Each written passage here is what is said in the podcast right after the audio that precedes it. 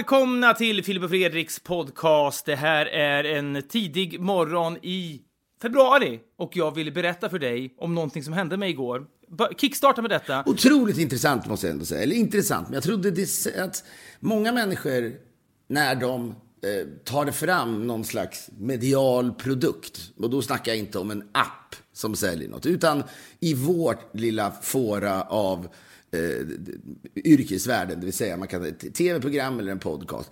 Alla, ibland så är det så här, nej, men det ska finnas en gimmick som den klassiska grejen i den här tv-serien. Vi hade vi pratade om förut. Jack Killian, radiorösten som sa Good night America, wherever you Eh, are. Ja, eller, det är bara så slå mig nu, det, det är otroliga ändå. Kanske den mest otroliga gimmicken i en serie någonsin, ta mig fan. Det finns ju catchphrases och det finns liksom... Men du snackar inte drama nu va? Jo, det gör jag faktiskt här. Ja, det är något annat vill jag Ja, påstå. jag förstår. Men du, du nämnde ju också en röst i natten som också är Ja, jag drama, vet. Det- ja. Då, då lurar du mig in på den här vanskliga banan. Ja. Men i tv-serien en Skål, när karaktären Norm kliver in på baren där han är stammis och muttrar bara “Hello everybody”. Han tittar knappt upp när han tittar in. Alla i baren bara vrålar “Norm!”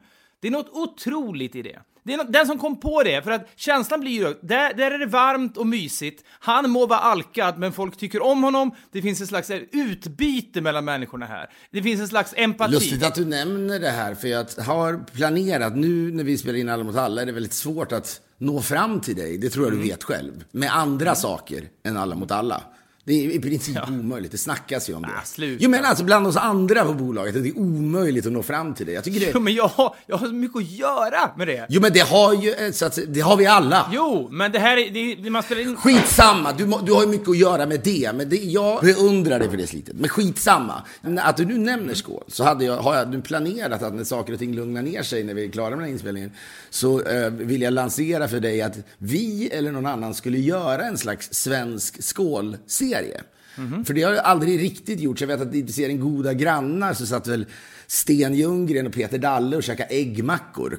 Kommer du ihåg det?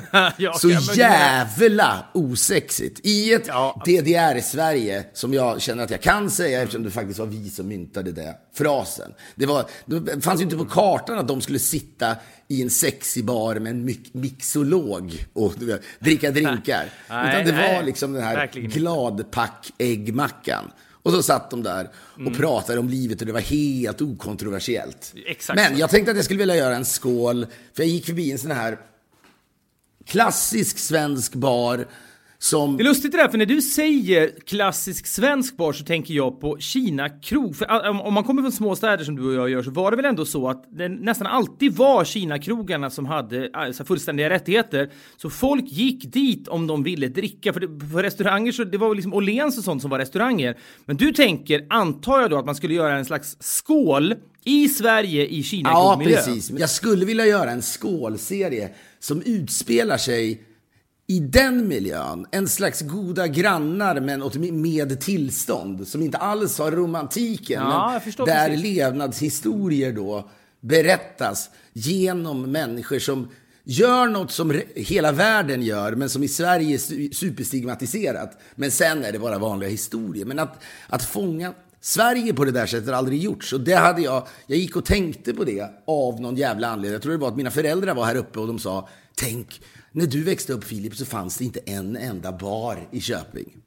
Det går en rak linje från kinesiska restauranger till tillstånd till att så många människor sitter hemma eh, ensamma på julafton. För då har till och med de kinesrestaurangerna stängt. Det håller inte för en understrecket i Svenska Dagbladet, den tesen kanske. Men, men det, det, Hur länge ska understrecket i Svenska Dagbladet vara symbolen för att, man kan, för att ett ämne håller? Nej, jag vet bara att när man sätter sig ner och författar en under, det är alltså en helsida i Svenska Dagbladet på kultursidan, funnits över hundra år, där liksom symbolen för detta streck är alltså att strecket till, till vänster på sidan är ganska grovt och långsamt, långsamt blir det tunnare och tunnare till höger på sidan. Det är liksom deras gimmick, det är deras norm, om man säger, det är deras logotyp för understrecket. Det är en märklig symbol, för det antyder att tesen i början är kraftfull och håller, medan när man läser och tar sig igenom den här långa, långa, långa texten så blir det mindre och mindre intressant, precis som att det här strecket blir tunnare och tunnare, så blir tesen tunnare och tunnare. Om jag vore dem så skulle jag vända på den där jäveln så att strecket börjar tunt och slutar kraftfullt, för det är den läsupplevelsen de borde eftersträva. Jag växte upp i en familj där eh, då morgontidningen var Svenska Dagbladet. Den lokala tidningen Bergslagsbladet delade mina föräldrar med familjen Gartz. Och, eh, Jaha. så att vi fick Bergslagsbladet på eftermiddagen då.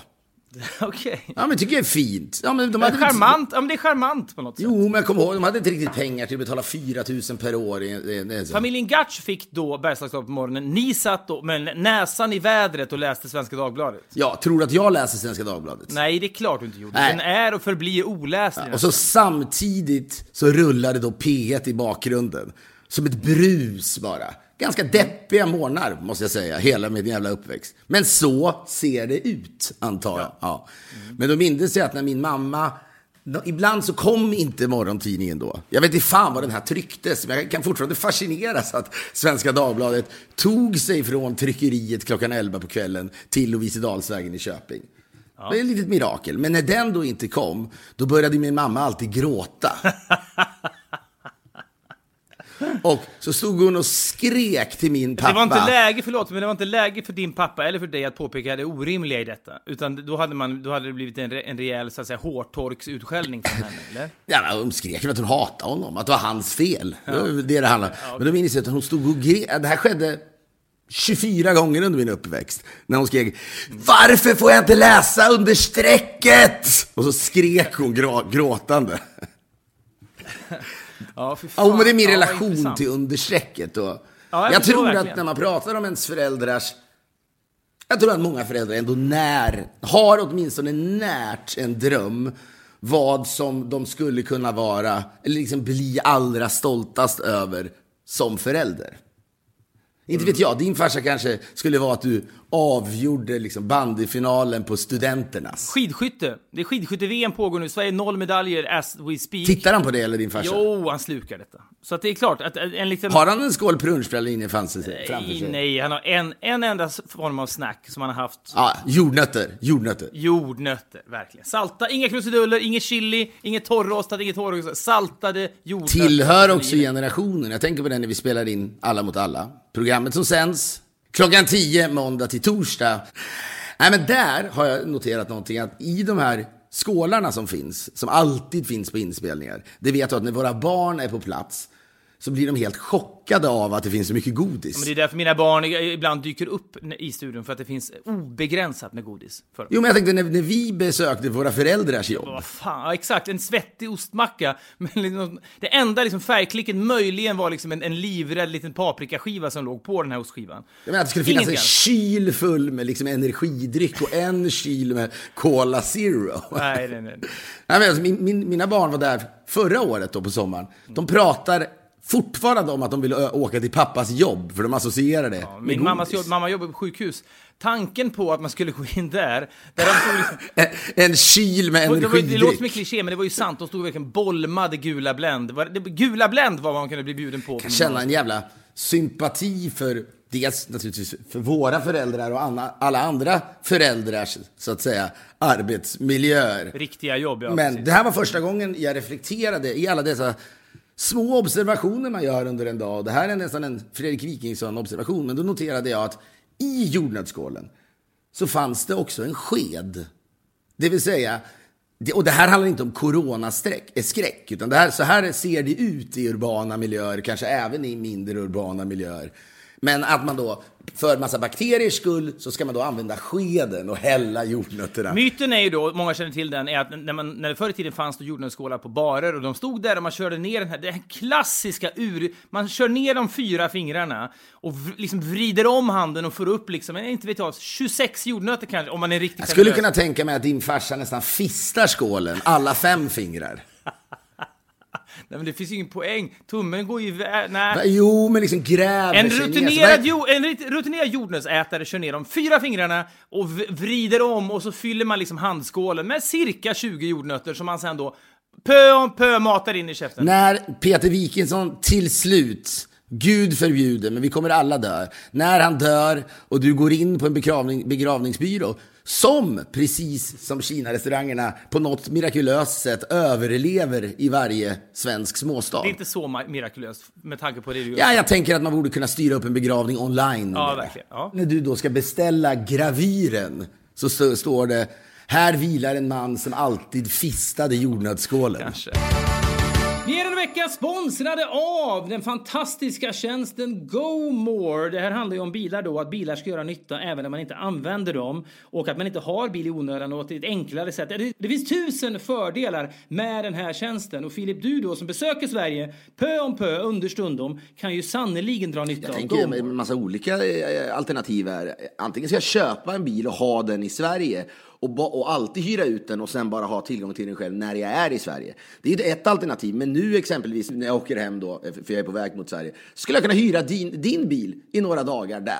Yeah. Men det kan ju också vara kul om man vill testa en bil som man inte har kört tidigare. Man kanske vill testa en fyrhjulsdriven bil, man kanske vill testa en Tesla eller någon annan elbil och istället då för att köpa en eller åka till någon jävla showroom. Billigare och smidigare än traditionell biluthyrning det här och både bilägare och hyrestagare är försäkrade via GoMore i hyresperioden då hyreskontraktet finns i appen. Säg stort tack till GoMore. Vi är den vecka veckan sponsrade av Folksam, långsiktigt hållbart sparande. Många känner ju till Folksam som ett försäkringsbolag. Färre vet ju om att det här är ett då långsiktigt och hållbart sparandebolag också. Man kan ju börja spara till sin pension och det man älskar att göra då man vill ha möjligheter att kunna göra det här senare i livet. Då kan man skapa förutsättningar för ett trevligt liv när man har slutat jobba. Och när man är ung idag då måste man ju ta ansvar för att komma igång med ett sparande inför framtiden. Jag ser bilder nu, jag följer din pappa väldigt intensivt på Instagram. Så ser jag ju han och din mamma, de är någonstans nere i Teneriffa eller något nu. Mm. Mår jävligt bra. Han är fin, fi, fina inst- instabilder. Jag älskar hans konto. Och det, då tänker man, det där har nog med pensionssparande att göra ändå. De har varit vettiga Tveklöst. människor. Så nu kan de åka runt ner i, i södra Spanien och, vilket är lite lustigt, dricka Starbucks-kaffe. Men Jämt. det, det, det är det de gör. Så, gör det du. Men ni vill också ha Fredrik Wikingssons föräldrars liv. Då ska ni börja spara nu. Och sparar du hos en ansvarsfull eh, då ägare som Folksam så gör pengarna nytta. Både nu och i framtiden. Gå in på folksam.se slash pensionssparande. Folksam.se slash pensionssparande eller kontakta någon av deras certifierade rådgivare. Vi säger stort tack till Folksam. Han har ju aldrig tänkt tanken, även om det oftast bara är han och din morsa som sitter där hemma, men även när de har gäster. Det där med att det skulle vara en sked i jordnötsskålen, det har aldrig Nej, föresvävat nej, nej. Ja, men det, skeden springer ju ur den populära myten som, som briserade för kanske 15-20 år sedan. Att om du ställer en jordnötsskål på en bar och sen låter den stå där någon timme och sen undersöker du den, då kommer du finna spårämnen från 20 olika människors urin i skålen. Folk går på toa, de tvättar sig dåligt, de gräver med fyra fingrar och så blir det liksom en jävla soppa av urinspårämnen där i. Det, det, Okej, när folk hör det, bra, hur löser vi detta? Jordnötter är ju delikat, vi måste fortsätta med det. In med en skedjävel då, så löser det sig. Men jag tycker att skeden är inte värt det. Jag, jag hellre får jag i mig lite urin från andra människor än använder den här skeden. Jordnötsupplevelsen, det, den förstörs av den här skeden. Provoceras du av eh, skeden nästan? Ja, men och du pratar ändå med en, en germophobe här. Alltså, jag gillar ju liksom när det är rent och prydligt omkring mig, men när skeden förstör, då är det inte värt det. Då kan vi skita i jordnötter om vi ska behöva ha en sked. När du besöker dina föräldrar, då blir du väl den där tonåringen igen som satt med dina, dina föräldrar och såg Notknäckarna och fistade jordnötsskålar? Ja, i, I din terminologi, ja, men fistingen det förekom ju inte. Det var de fyra fingrarna. Ja, men när de här stora liksom, två liters plastburkarna med jordnötter kom. ja, men det, ja, men det är fortfarande ingen fist. Tummen har inte där i att göra, Filip. Det är, det är en elegant liten piruettrörelse. Jag vill att den ska ha där att göra för att jag, ska, jag vill att det här avsnittet ska kunna heta att fista en jordnötsskål. Ja, men jag är inte säker på att det är den optimala titeln. Det får din understrecket heta Ja, istället. men det du i alla fall sa till mig, vi, vi landade i då understrecket som är knappast är någon slags riksangelägenhet skulle jag vilja påstå. Nej, men jag har beskrivit åtminstone vad det handlar om. Ja, precis. Men det, i mitt fall så handlade det om någon slags småstadselitism, tror jag. Ja, men var det inte så att det var inte eh, understrecket för din mamma då framför allt? De har flyttat till Köping, den här lilla staden. De har bott i Malmö tidigare. Det är ett vibrerande kulturellt liv. De hamnar i Köping, de får jobb där som lärare. Det är fint så. Och de tar hand om er barn. Nu, nu är det här vi har hamnat. Det här ska vi inte gnälla på. Men understrecket, det är varje morgon. Om tidningen bara Vad kommer. är det ens varje? Jag trodde det var en gång i veckan, men det var alltså varje morgon. Jag tror att det åtminstone nu är varje morgon. Och då är understrecket för Tina Hammar då bara en påminnelse om den stora världen där ute, som hon förvisso har lämnat i, i viss del. Men den finns där ute och varje morgon kan hon resa ut i den intellektuellt spänstiga världen via den här sidan. Så när tidningen inte kommer då blir hon ju förkrossad. Jag förstår någonstans det. Det är som att allt tas ifrån henne. Om det är inte pappas fel. Nej, det kan vi lugnt enas om. Grät. Enda människan på jorden som grät för att... Ja, det kan inte vara många. Nej, men jag noterar nu Fredrik att understrecket be- beskrivs som en daglig essä sedan 1918. Ja, du ser. Och nu är det idag exempelvis en odödlig klassiker om dödens li- livgivande kraft. Ja, ja, Daniel Möller, vår ingrodda vana vid att leva gör oss oskickade att dö. Så ser det ut. Ja, lite halvytligt, eller? Mm, ja, jag vet, jag ork- jag lyssnade knappt. Och tidigare i veckan, sekulär liberalism vilar på teologiska argument. Ja, men sånt satt ju din mamma och tänkte. Det är inte Wahlgrens direkt, om man säger så. det är det fan inte. Att få syn på sig själv genom fjäril och lo. Det var ändå någonting när Pernilla Wahlgren förra veckan var i Los Angeles och skulle då få för sig att hylla Kobe Bryant som jag antar att hon- hon inte har tänkt jättemycket på när han levde. Det må vara hänt. Hon är sannerligen inte ensam om detta. Nej, nej, nej, många gjorde det, men hon, hon lyck- jag tror hon fick in fyra stavfel i Kobe Bryants namn. Hon skulle skriva R.I.P. Kobe Bryant. Ska du inte bjuda på hur den stavades ändå? Jag tror hon skrev R.I.P. Ingen punkt, det kanske är väl hårt att klaga på det. Bryant, det är hans efternamn då. Det stavas ju då Bryant, det stavade hon B-R-A-Y-A-N-T. Kobe då stavas K-O-B-E, det stavar hon C-O-O-B-Y. Jag vet inte, behöver man göra en R.I.P. om man inte vet någonting om människan det handlar Till om? hennes försvar, min tolkning av den där Insta-storyn är ju alltså att hon, hon åker i en taxi eller en town car på väg från LAX-flygplatsen in mot ett hotell. Och då ser hon någon slags, inte någon slags byggnadsställning eller något sånt där? Ja, Jag vet inte, men det är en amerikansk flagg. Hon ser någonting som är en hyllning till Hon Kobe. ser, ja, man ser precis en slags tröja då, hans tröja uppskickad som någon slags eh, flagga. Men i och med att det är at Bryant Kobe, då, det är ju uppenbart då, om man klickar på at Bryant Kobe att det inte är Kobe Bryants Insta, för han stavar inte så. Han är ju också död, så jag vet inte, ska hon verkligen äta hans konto? Men det är ju inte hans konto, clearly. Nej, men hon tror väl det, antar jag? Ja, Eller? men genom en tryck där så ser hon ju att det sannerligen inte är det. Det- Jag, måste nu, jag, måste kolla vad det är. När man går in på bryant.kobe, så det, fi, det finns inte ens. Det finns en Bryant Kobe utan punkt som har ett inlägg och 24, 24 följare. Vet, det är bara slarvigt! Det är slarvigt! Men i den mån du har tänkt på Pernilla Wahlgren, har du uppfattat henne som en, en oslarvig människa då, när det, när det kommer till lingvistik? Nej, men hon är väl åtminstone väldigt instavan. Ja, skitsamma. Apropå det, måste jag säga en sak. Jag var då med i den här Martin Wiklin, som är då en hyllad intervjuare just nu. Det är lite, jag vet inte, 80-tal kändes det som. Då var det Stina Lundberg, kanske hette Dabrowski på den tiden, Malou och så vidare. Det var kvinnorna som var de stora intervjuarna. Lös tes. Det fanns väl även Ulf Elving. Men skitsamma, Stina Lundberg var ju the intervjuare. Ja, verkligen. Sen kom då Skavlan in i bilden och blev the intervjuare. Han är väl det kanske fortfarande, även om han då får kritik för att vara manstillvänd och så vidare. Men som jag har förstått det nu, efter att jag berättade för dig för någon vecka sedan att han har frågat om han fick intervjua mig. Den är Wiklin. Och då var det en kompis till mig igår som skrev, jag är trött på bygget av Wiklin.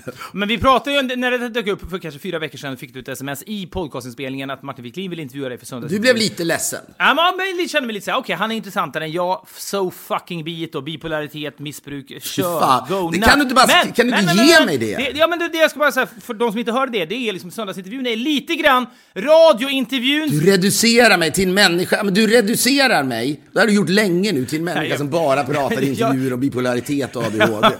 Men Fan, vad det är en försvarsmekanism förstås för att eh, motivera varför jag aldrig får den här typen av frågor och jag får leva med det, det är inget problem. Men jag vill bara klargöra för lyssnarna då att Wiklin och söndagsintervjun är lite grann under strecket i radiointervjuform. Det är fint och det är kultur och han doppar ibland tårna i smutsen som när han intervjuar Men dig. ibland slänger han ju in Pernilla Wahlgren eller Filip Hammar. Exakt så. Det är smart av honom. Så det finns ett bygge kring Wiklin och avundsjukan finns då i Stockholms medievärld. Att alla hade kanske velat bli Wiklin, men nu var det Wiklin som blev Som blev Wiklin, Ja. Och jag hade aldrig hört talas om det. När jag sitter i den här intervjun så säger jag att, ja, jag pratar om att du blir lite avundsjuk. Det kommer förmodligen klippas bort. Men jag sa det, jag, jag sitter här och har förstått att jag ska vara smickrad, sa jag. Eh, Oj, oj, oj, vilken jävla powerplay. vadå? Nej, men... Fan, jag är fan bra i intervjuer! Måste du pissa på allt jag säger? Jo, men förstår du hur dryg du låter när du Piss. säger det? Nej, det är också en ödmjuk nej. approach. Jag självklart vet. Nej, Phil, det där är, det där är en riktig härskarteknik-pryl. Det där är liksom GV. Mot Wiklin. Mot Wiklin, ja! Jag har Men förstått... det kan väl han ta? Jo, men jag, säger, herregud. jag tycker inte synd om honom. Men om jag hade varit honom så hade jag tänkt, vilket jävla asshole. Nu ska han sätta ner foten, markera, pissa revir. Ja, jag har förstått att jag ska vara smickrad.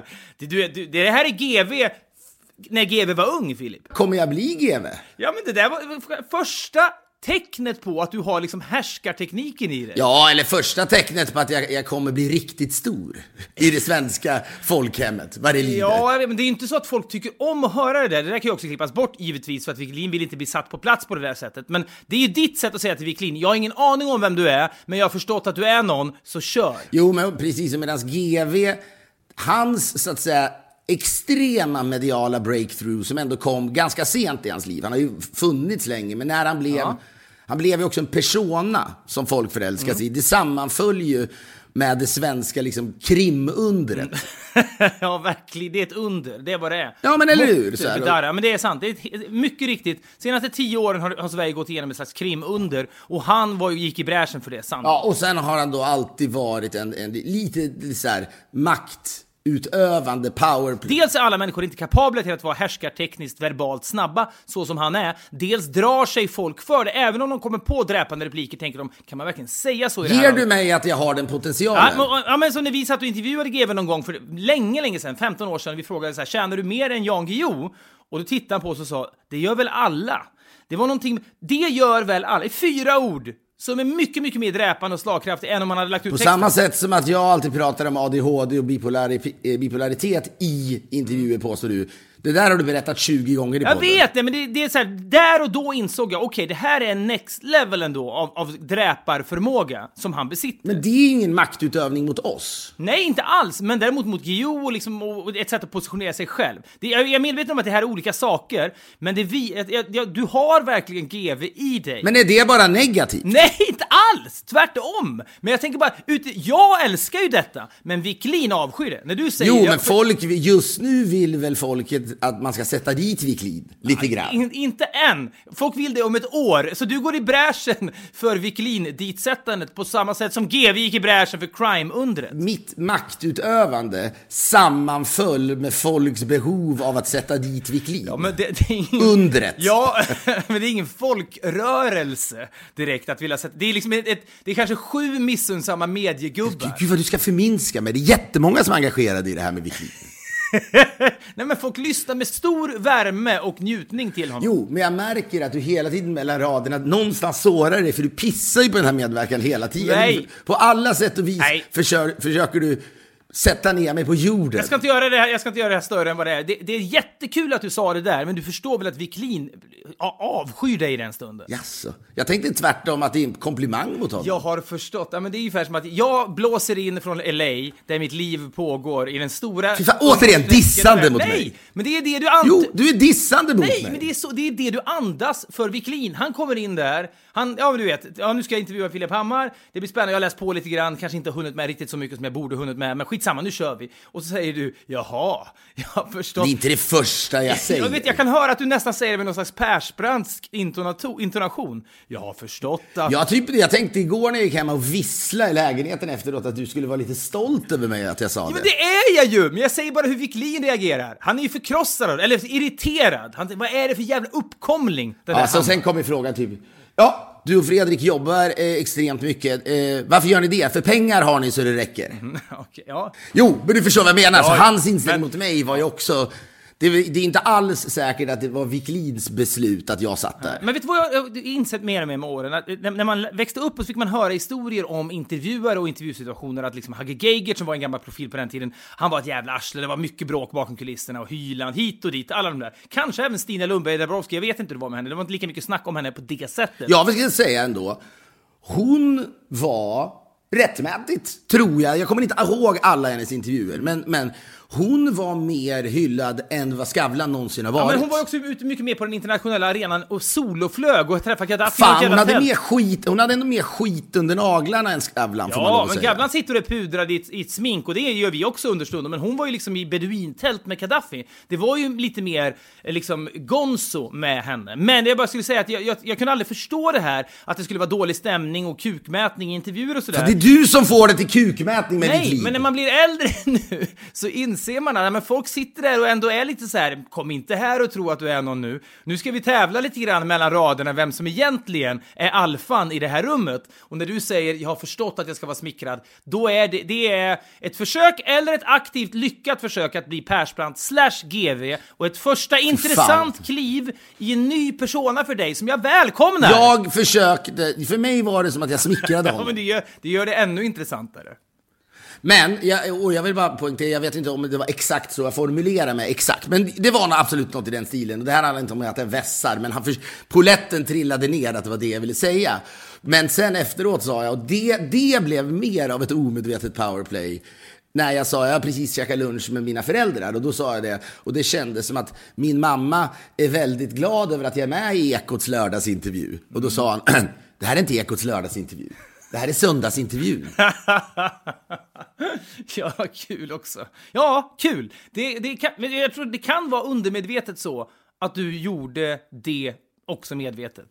Nej men vad fan! Men så funkar powerplays. Så funkar Ja, positionering. men jag är ingen Du har powerplayare. inte varit det, nej. Men nu när du har passerat 45 fyller du snart. Du kommer upp, du är en ny intressant fas i livet. Fil Vi är denna vecka sponsrade av Finnair och vi pratade i förra veckan om klass och service, något man verkligen uppskattar när man flyger och det får man ju då hos Finnair. Låt oss Fredrik lyfta fram Finnairs app som underlättar resandet redan från bokningen. Den fyller ju då i all info automatiskt när man bokar. Perfekt och när man reser mycket. Och det första du ser i appen det är check-in. Kanske det viktigaste då innan resan. Sen har du dina digitala boardingkort i mobilen. Och behöver du addera en väska, välja säte eller kanske ändra något i bokningen så gör du det i appen och slipper kontakta kundservice. Man kan bara föreställa sig vilken tid man sitter i de här telefonköerna. Det här är enkelt, smidigt och tidseffektivt. De är otroligt duktiga på att hela tiden förbättra upplevelsen under resan. Vi säger därför stort tack till Finnair! Vi är denna vecka sponsrade av Blocket och låt oss, kan verka lite dystopiskt men tycker ändå det funkar, prata om dödsbädden. Vi kommer ju alla ligga där en dag och reflektera över våra liv och vi kommer då ångra många saker. Eh, bland annat att vi inte köpte den där drömbilen som fanns i våra tankar under så många år. Ja Men kanske den där opraktiska sportbilen då som var en dröm från barnsben. Sen blir man vuxen med barn och så får man inte köpa en sån där bil. Men man skulle fan bara ha gjort det så att man inte ångrar det när man ligger där då. För på Blocket finns då bilar för alla med Sveriges största utbud av bilar till salu från privatpersoner som såväl bilhandlare. Gå in på blocket.se slash bilar och köp drömbilen på Blocket. Vänta inte så kan man då bocka av den på dödsbädden i alla fall. Det tackar vi Blocket för! Eh, vi är denna vecka sponsrade av DPJ Workspace. Eh, det är ju din partner då för kontorsmöbler och inredning sedan 1995. Köper du en stol eller ett bord eller vad det nu kan vara i år, 2024 alltså, så har du garanti till och med 2034. Vilket innebär, Fredrik, hur många års garanti då? Det är 10 års garanti, det är ett decennium. Kan man säga något annat än att de vet att det är hög kvalitet på sina grejer? De har otroligt mycket snygga och bra produkter. Allt ifrån snygga designstolar till belysning och loungemöbler. Alltså ett komplett utbud, helt enkelt med riktigt schyssta grejer. De ska hålla länge, det ska vara snyggt och det ska funka bra för alla typer av behov som finns. Och har man funnits sedan 1995 som DPJ har gjort så kan man sannoliken sin grej. Gå in på dpj.se och läs mer. Vi säger stort tack till DPJ Workspace. Vi har ett betalt samarbete med Syn nikotinpåsar och det här meddelandet riktar sig till dig som är över 25 år och redan använder nikotinprodukter. Syn innehåller nikotin som ett mycket beroendeframkallande ämne. Syn kommer i olika smaker, styrkor och format och nu lanserar Syn en helt ny smak inom mint. Syn Slim Cool Frost som har en tydlig smak av kylande pepparmint och mentol. En långsmal helvit prilla och enligt 90% av 366 vuxna konsumenter har den en långvarig smak. Läs mer på nikoniko.com och klicka in på syn. Glöm inte att slänga din tomma dosa i plaståtervinningen. Vi säger stort tack till syn. Typ alfahanen. Jättekul tycker jag. Och jag menar verkligen Ibland känns det som att du bestämmer vem jag är allt oftare. Nej, men jag uttolkar dig därför att ingen annan är kapabel till det så som jag är. Alltså, dissig. Ja, skitsamma. Nej, jag kan se dig utifrån. Bra. Ja, och jag vill säga att jag uppmanar folk att inte lyssna på den här intervjun. För jag vet, och jag vet att du kommer kunna göra slarvsylt av mig nästa vecka. Ja, Om jag ens orkar lyssna ärligt talat. Jag är också lite avundsjuk. Alltså, du är så jävla märklig. På ett sätt så eh, låtsas du vara intresserad av min nya persona, men samtidigt orkar du inte lyssna på intervjun. Nej, men det kommer ju ta en timme. Ja, men du kan ju lyssna på dubbel hastighet. Ja, det är sant. Ja, men då ställer han en fråga som jag ändå... Och det var massa saker han frågade om och det blev lite stelt och han sa att jag upplever det som att du jobbar på två nivåer under den här intervjun. Å ena sidan... Alfa, alfa GV-nivån och den var... Ja, nej, men han sa så här. Å ena sidan så, så vill du vara transparent och, och ärlig och, och berätta om ditt liv. Å andra sidan är du en journalist som försöker ty, typ avslöja mig och mina intentioner, sa han. Okej. Och då sa jag frasen, det är klart jag gör, jag vill ju outsmarta dig. är det också powerplay? Ja, inte så farligt. Det lät lite mer jargongigt. Det kan jag säga passerar. Men jag ska ge honom då, att han ställer en fråga som fan är oerhört förbjuden och taskig, eller som skulle kunna ge mig en jävla massa ångest. Han berättar då om sin far som dog, och att det var oerhört jobbigt för honom givetvis. Och att, du kommer jag inte riktigt ihåg eftersom jag hade bitvis svårt att koncentrera mig. Okej, fortsätt. Men han säger då att, ja, att hans pappa dog då tidigt. För att han brann så hårt. Det vill säga att det var så mycket som skulle hinnas med i hans liv. Och då sa han, jag upplever dig som en människa som också brinner väldigt hårt. Och då, då sa jag till honom, ja, det du, det du nu säger är att du tror att jag ska dö ung.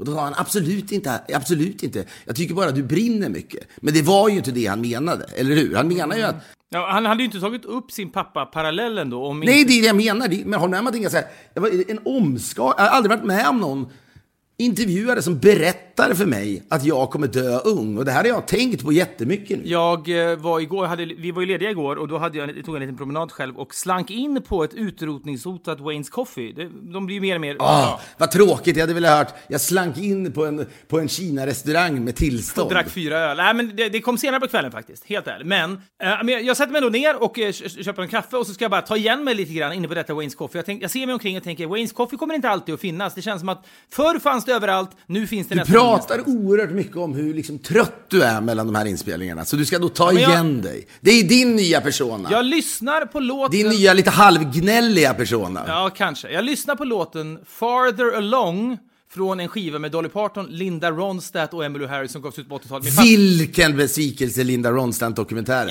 Ja, det, den var inte så kul. Nej, men Fy den här skivan fan, vad då, tråkig. Pappa hade den på kassett på 80-talet. Sällan sett fram emot en intervju så mycket, eller eh, dokumentär så Nej. mycket. Gå Men min, min pappa hade den på kassett. När ni satt och då besviket v- liksom ylade över uteblivna understrecket-tidningar, exakt samtidigt satt jag och min pappa då uppe i Sundsvall och lyssnade på skivan Trio med de här tre giganterna som gjorde en skiva tillsammans på 80-talet och låten Vad hade du för relation till din mamma? Ja, hon satt också och lyssnade. Vi satt och lyssnade på den här låten. Den är jättefin och när jag är lite sliten så lyssnar jag på den. Och så satte jag på den på repeat och så började jag greja med någonting och så tänkte jag så här, ah det är varmt och skönt här inne, det blåser lite grann där ute. Jag sluter ögonen lite. Jag är utarbetad säger du till dig själv tio Nej, gånger. men det är inte det det handlar om. Lite. Ja, men det har varit mycket nu. Men då, det var något jävla... Så, så tittar jag ner i telefonen igen och så tittar jag ut och så fan vad är det som har hänt? Har det blivit strömavbrott eller någonting?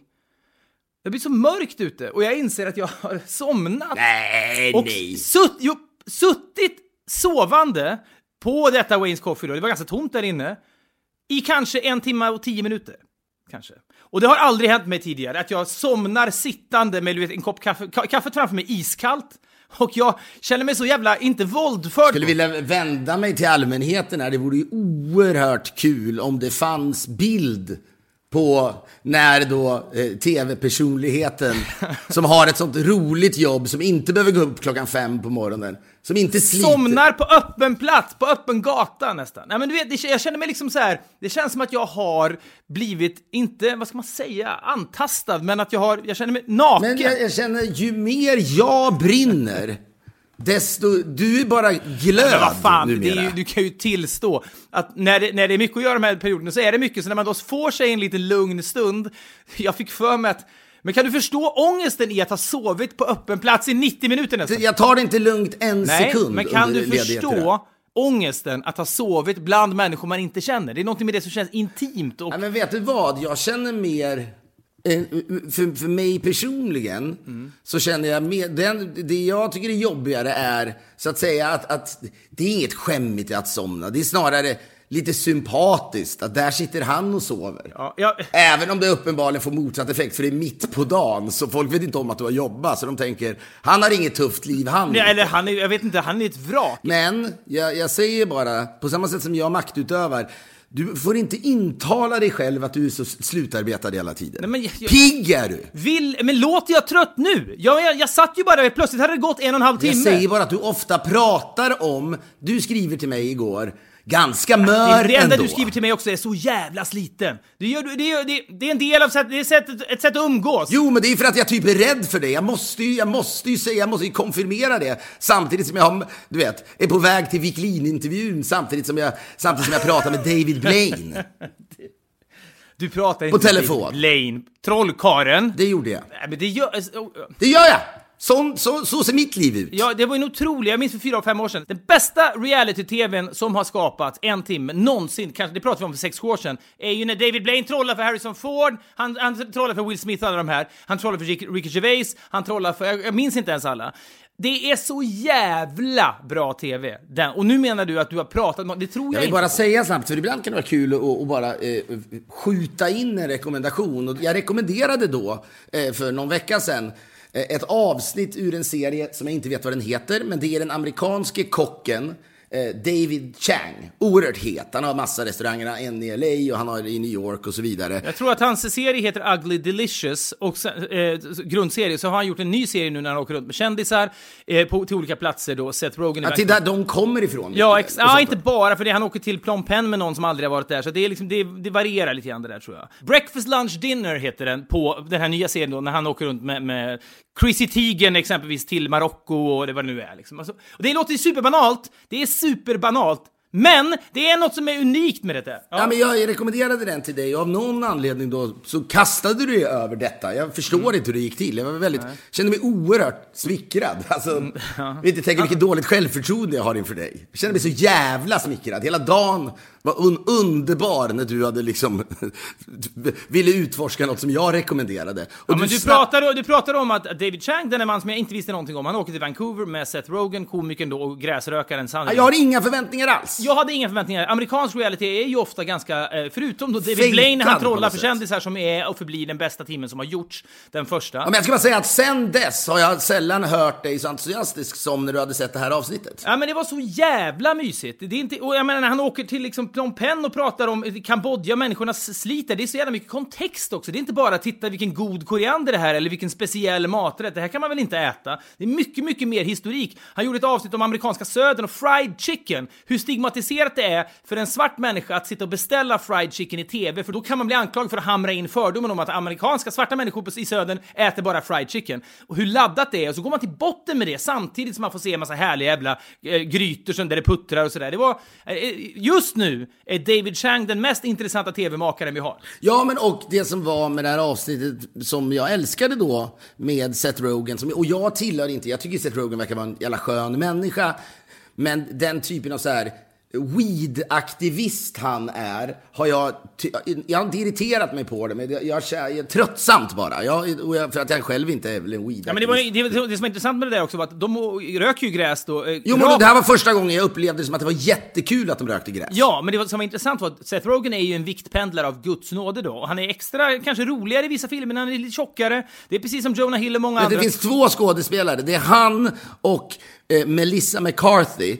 Varje gång de gör intervjuer, och förmodligen för resten av sitt liv, så måste de prata om sin vikt. Visst, och Jonah Hill har säkert varit där också, för att Jonah Hill blir mer likable när han är rund. Men det som var intressant med Seth Rogen, han är uppenbarligen nu då i en dietfas, för han är ju jättesmal och tight, och att han då vräker i sig donuts under hela det här avsnittet då, för att han är eh, pårökt och det ska bli lite kul TV. Jag, jag får bara en känsla av att det där mår han jättedåligt av. Han är liksom precis mitt i en fas när han ska gå ner i vikt, och då, då kommer den här inspelningen olägligt. Men det, och det är din mardrömsmat också, för det är mycket, känns som det är riktigt så här komplicerad, autentisk Kinamat det handlar om i ganska Ja, stor förutom utsträckning. donutsen då. Ja, men jag skickade detta till dig och jag, jag satt hemma och tänkte att fan, det här är första gången jag ser den typen av reality-tv som inte är tillrättalagd. Det känns inte som att David Chang har be behövt skicka en klippning av till, programmet till Seth Rogen för godkännande. Ja, men framförallt är det första gången jag upplever amerika- den här typen av TV. Vi har ju ägnat oss jättemycket åt det, det vill säga man åker ut i världen Jag så, tycker vi är duktiga på det. ja, vi är ganska duktiga på det. Jag kan till och med tillstå att vi är världsklass. Ja, men vi är det. Varför måste du viska? Vi är du behöver inte viska. Nej, men jag, jag, jag skojar! Jag försöker bry, skapa dynamik ljudmässigt. Folk är trötta på min röst, de måste få höra variationer på den. Annars stänger de av. Men det här är första gången jag ser amerikansk TV som inte känns som att den är utskriven på en whiteboard hemma på en redaktion och så åker man till en plats och bara hämtar hem det exakt enligt ett körschema. Vi tycker ju om att åka ut och se vad som händer och, och låta det leva så mycket som möjligt improvisatoriskt. Tror du jag pratar med Martin Wiklin om det? ja, säkert. Ja, okej. Nej, men, nej, men jag blev väldigt så här otillrättalagd. Breakfast, lunch och dinner, David Chang, Seth Rogen-avsnittet först och främst. Där har ni en riktigt bra timme. Ja, och den handlar ju liksom inte om någonting, men det känns som att kameran bara följer dem. Kanske ett paradigmskifte i amerikansk tv. Ja, men vet du, det handlar också om saker. För det hand, på samma sätt som det i det här avsnittet kan handla om din mammas ylande då, över utebliven Svenska Dagbladet och understrecket, så handlar det om hur det är att vara ung asiat i Vancouver, där massa, massa människor kommer då från eh, Japan och Kina på 60, 70, 80-talet och det är extremt stora asiatiska... och men Chang är väl inte därifrån? Nej, men Seth Rogen pratar om att är, han var typ ensam icke-asiat i sin klass. Men, men den, åtminstone då rekommenderar vi här och nu eh, den här serien med eh, Seth Rogen. Man ska inte skruva upp förväntningarna för är- mycket, för den handlar ju egentligen inte om någonting. Nej, det är bara mys, men det är mys på ett, på ett sätt som man inte är van att se amerikansk jävla reality-tv. Och vi kan ändå sånt. Så är det. Vi är denna vecka sponsrade av Lendo som är Sveriges största jämförelsetjänst för både privat och företagslån. Både du och jag har ju varit i den här sitsen. Både du och jag har startat e- enskilda filmer först som man sen kanske gjort AB av. Det spelar egentligen ingen roll. Men man har startat på sina egna ben en liten firma och man tänker det här kanske går att bygga någonting på. Du och jag då, vi behövde bara en laptop, vi skrev ju texter. Men vissa andra människor kanske behöver en lokal, de kanske behöver liksom inventarier och sådär. Man kanske behöver ta ett lån. Och att detta är enkelt att göra, det kan ju lägga grunden för enorma förmögenheter, karriärer. Det verkar ju så komplicerat att ha ett företag, men det behöver ju kanske inte vara det. Ja, men en ansökan då tar ju bara någon minut att genomföra. Du har svar från långivare inom 24 timmar. Det är kostnadsfritt. Du kan ansöka och jämföra företagslån på upp till 2 miljoner kronor. Det här är inte bindande, men med jämförelsen av Lendo får du en enkel överblick om vad som gäller. Man får personlig service via den här kundtjänsten de har och du kan då, och det här är det viktiga tycker jag, ha pengarna på kontot bara efter några bankdagar. Vi säger stort tack till Lendo. Bara för att cirkelsluta här, känner att jag ändå har ett behov av detta. Så eh, eh pratade du då, eller du slog fast Fredrik, att när jag pratade om att det går en rät linje från stigmat kring att sitta eh, när det fortfarande är ljust ute på en svensk Kina-restaurang någonstans i Sverige och dricka tre öl på en tisdag. Att det går ett rakt streck fram till att så många människor är ensamma på julafton i Kanske Sverige. också ett rakt streck, ett stigmat att sitta på, på ett svenskt fik klockan ti, en tisdag och upp, öppna ögonen så är det mörkt ute. Det kändes också fan stigmatiserat. Då sa du till mig här tidigare i, under podden att ah, det kanske inte är en understreckare direkt. Ja, ah, gjorde mig också lite ledsen. Dissa mig igen. Men, men det, det jag sa bara att när, när jag, jag, jag då började tänka på det här. Du, du, du säger i början, började prata om norm i skål. Vi kan ta detta sen när du har slutat vara trött. Men jag skulle vilja göra en, en osolig cheers. Där man berättar folks livshistorier på en Kina-krog. Kanske på liksom tidigt 90-tal i Sverige. Människor som liksom känner och vet att de är utanför samhället men inte kan hålla sig från att sitta där dagtid och dricka och dricka och dricka. Jag tror att en stor del av Cheers framgång var att det var ganska soligt. Eh, Och detta Man ville vara Ja, där. exakt. Ja, men vill man verkligen, alltså vignettlåten “Sometimes you wanna go where everybody knows your name”, det var oerhört familjärt, han kommer in Det här måste ha en vignettlåt som är precis den motsatta. Ja, det här känns ju nattsvartare, men kanske är tiden mogen för den typen av serie och att en, en Cheers idag skulle kännas förljuget kanske och det här skulle kännas mer ärligt. Ja, man kan också säga upprättelsen i dessa tider av Kina-hat så kanske man ska passa på att lyfta fram äh, att Lyfta fram faktumet att massa människor har supit bort sina liv på Kina-krogar på 90-talet. Men det är så du slår fast det. En massa ensamma människor som kanske trots allt har fått prata med, med folk och, och socialiserat på något sätt. Tack vare att det har funnits Kina-restauranger som har haft tillstånd och serverat öl dagtid. Men skulle vilja göra en lite skitigare cheers. Du kan bära med dig det. Jag Mm. tror ändå att du inte tycker idén är helt värdelös. Nej, jag tycker verkligen att det finns någonting där som kan bli mycket... Alltså, att försöka göra en billig Cheers-kopia hade ju känts olidligt. Det här känns ju mycket intressantare. Ja, men en krog som så här, som orättvis betraktas som en krog där ingen vill vara. Precis. Men som betyder mycket, mycket mer än vad man kan Som tro. visar sig vara, ja, men som visar sig vara, titta, här finns det massa historier. Det är så ut, utöver Stuck in a moment, som är okej, absolut. Men det finns också Billy Joel-låten Piano Man. Som handlar om en bar och livet där. Men det är också Jag lyssnar mycket bar. hellre i podden slut på Piano, Piano Man. Man är en bra låt, faktiskt. Piano Man är en otrolig. Ja, avslutningsvis. Det, du, du, när du pratar om catchphrases, och jag sa, och både, jag drog upp Jack Killians Good Night America Wherever You Are. Dåligt, det är alltså fiktiva exempel. Men vi har i Sverige då Aschbergs Häng med! När, när det slog ner som en bomb, när den så här, kommersiella tvn slog igenom i Sverige och det skulle vara reklamavbrott, så sa han Häng med. Det blev någon slags, det var bekvämt. Sa han inte ni hänger Ni med? hänger med, sa han. Så det är med andra ord ingen catchphrase riktigt. Men, men han sa det, och det finns ju massa exempel på det där såklart. Men det där att skapa en catchphrase som sätter sig. Men i vårt fall, vi skulle aldrig sätta oss ner och skapa en sån.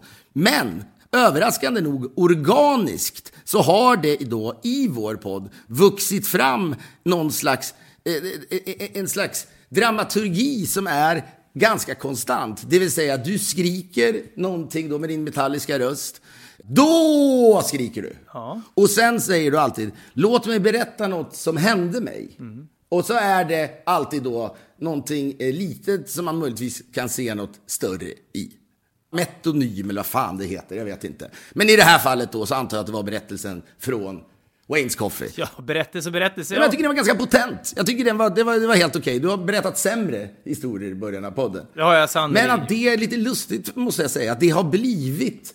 Jag tror att det är kanske du som har liksom pådyvlat det, men det har blivit en väldigt, väldigt tydlig struktur. Kanske är det ditt behov av att liksom att, att ankra någonstans. Att det inte får vara för, för fladdrigt. Och ibland säger du att Ja, ja men dramaturgin är så här. Jag skriker då, berättar något litet som hänt i mitt liv. Du låtsas lyssna och börjar sen prata om det du vill prata om. Ja, börja det, sen- det är dramaturgin i den här podcasten. Jo, men med tanke på hur elak du är mot mig ibland så känner jag att det är rimligt att jag kör över ibland. Det är nyttigt för mig. Ja, det är inget fel med Wayne's Coffee, men det sitter nu många där ute. Många.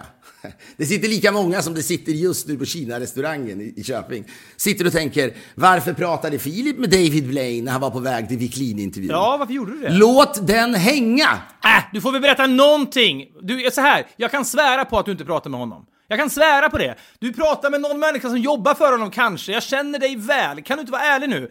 Du pratar inte direkt Men med David Blaine. Du vet ju, jag, har pra- jag lever ett annat Jo, liv idag. ja. Jag har möten Will I Am Jo, jag vet, men i det här fallet, jag kan svära på att du... Ja, vet du varför? Det är för att du för första gången är lite avundsjuk. Nej, men får jag också bara vara i någon slags rättesnöre här? Om det kanske är tråkigt att ta ner dig på jorden. Du tror att du har pratat med David Blaine, men du pratar med någon som jobbar Nej, men vad i helvete, så nu, omyn... Ja, nu pratar du om mig som att jag skulle behöva en I god takt med man. GV-fieringen av dig så kanske detta bara blir mer och mer aktuellt. Men du, du har pratat med någon som jobbar med David Blaine som säger David is... Du har någon idé från honom. Det är jätte, jättekul tycker jag. Dynamiskt, underbart, du tänker stort.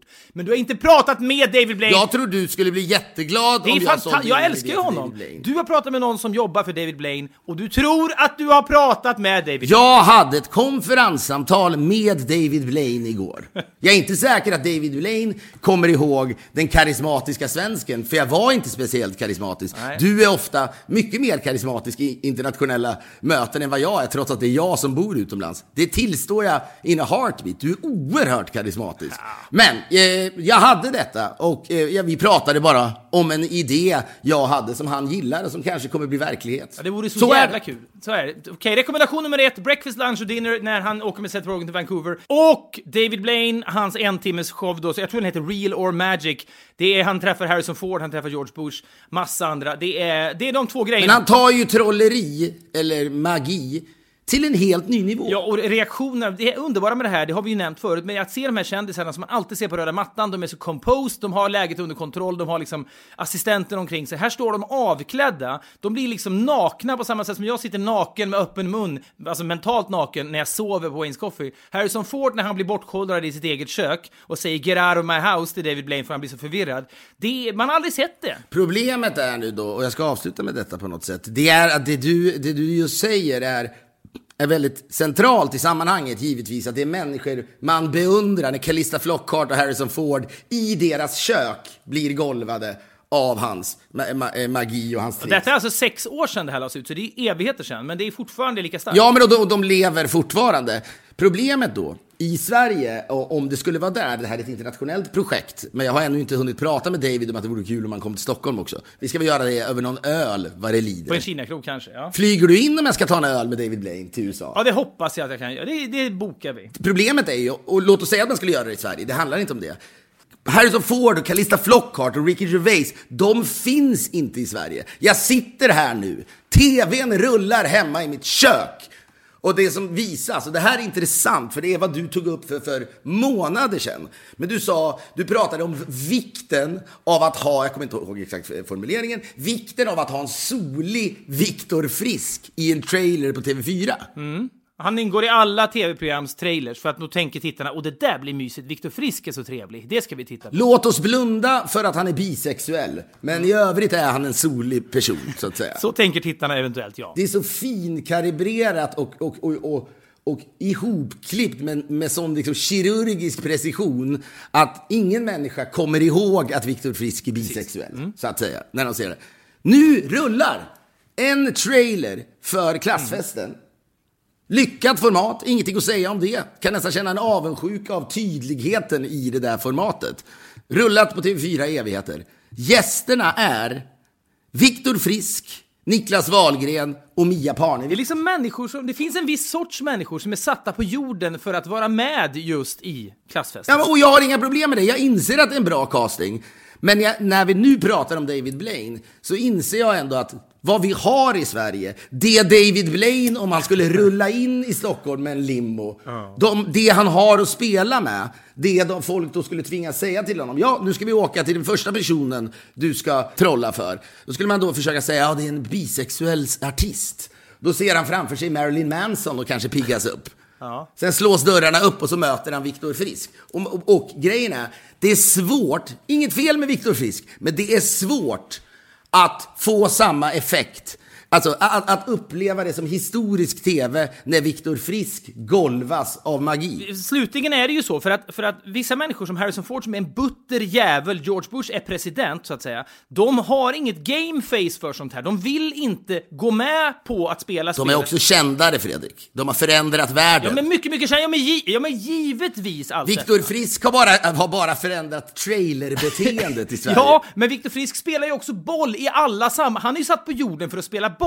Så när han spelar boll och blir förvånad över trolleritrick, det är det man väntar sig av honom. Harrison Ford spelar aldrig boll riktigt, så när han ser bortkollrad ut, då blir det ju en effekt. Viktor Frisk, han spelar boll. Du, du kan säga åt honom att göra vad som helst i en trailer, och så gör han det. Han är medgörlig. Det gör ju det jätteproblematiskt för David Blaine att komma till Sverige. Och jag vet att därför är det ibland lite sorgligt när man sysslar med det vi gör. Är det sorgligt? Detta är absolut ingen... Klagosång. Nej, svanesång, elegi eller vad fan det nu heter över Sverige. Men Sveriges litenhet gör att människor som David Blaine, man kan liksom inte utnyttja hans potential till max. Det går inte. Nej. Och det sörjer jag i detta ögonblick. Jag vill innan vi avslutar podden bara påminna lyssnarna om, för jag är väldigt lycklig över att eh, min syster från Köping också finns i bruset och serien som då heter Välkommen till Köping går på kanal 5 på måndagar. Man kan även eh, få tillgång till den om man registrerar sig på Dplay. Då kan man se nästa veckas avsnitt och om man använder koden VALKOMMEN till Koping. Då får man en månad gratis. Men jag tycker den serien är jävligt bra och den expanderar på något sätt vad eh, eh, ens, ens hjärnverksamhet. Ja, men jag, jag gillar den, Den serien, jag vill gärna rekommendera den. Och vi ska väl även säga att fortsätt gärna titta på Alla mot alla. Vi är tacksamma för den framgång Vi går snart är. in i grupp två, massa härliga nya tävlande då, så, som då kommer att göra upp om de här. Men duktiga i år, det är kul, vi, vi älskar det här programmet måndag till torsdag. Och välkommen till Köping som sagt också. Älskar er för att ni lyssnar, tack för detta. I, nästa vecka så kommer jag vara i Florida på sportlov. Kul, kanske intryck. Fan, vad kul! kul, jag är ute och rör mig. Pigg och jävlig är jag! Får jag bara fråga en sak? Har det föresvävat familjen Wikingsson att åka till Los Angeles för att kanske hälsa på mig och mina barn? Det är, jag har flera människor som bor i Los Angeles som jag känner som tycker att det är konstigt att man inte åker dit, men det är väldigt mycket längre dit, helt enkelt. Ja, men jag skit i alla människor du känner där. Jag kommer jättesnart till Los Angeles, jag lovar. Bra. Vi hörs! Puss, hej!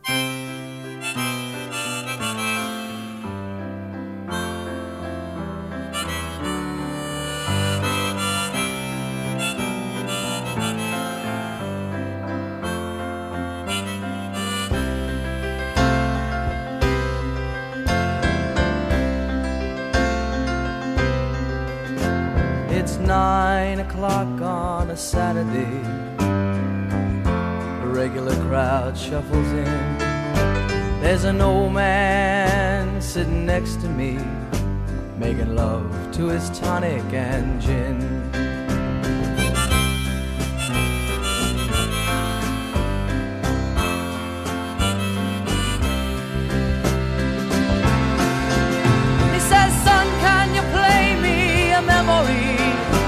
I'm not really sure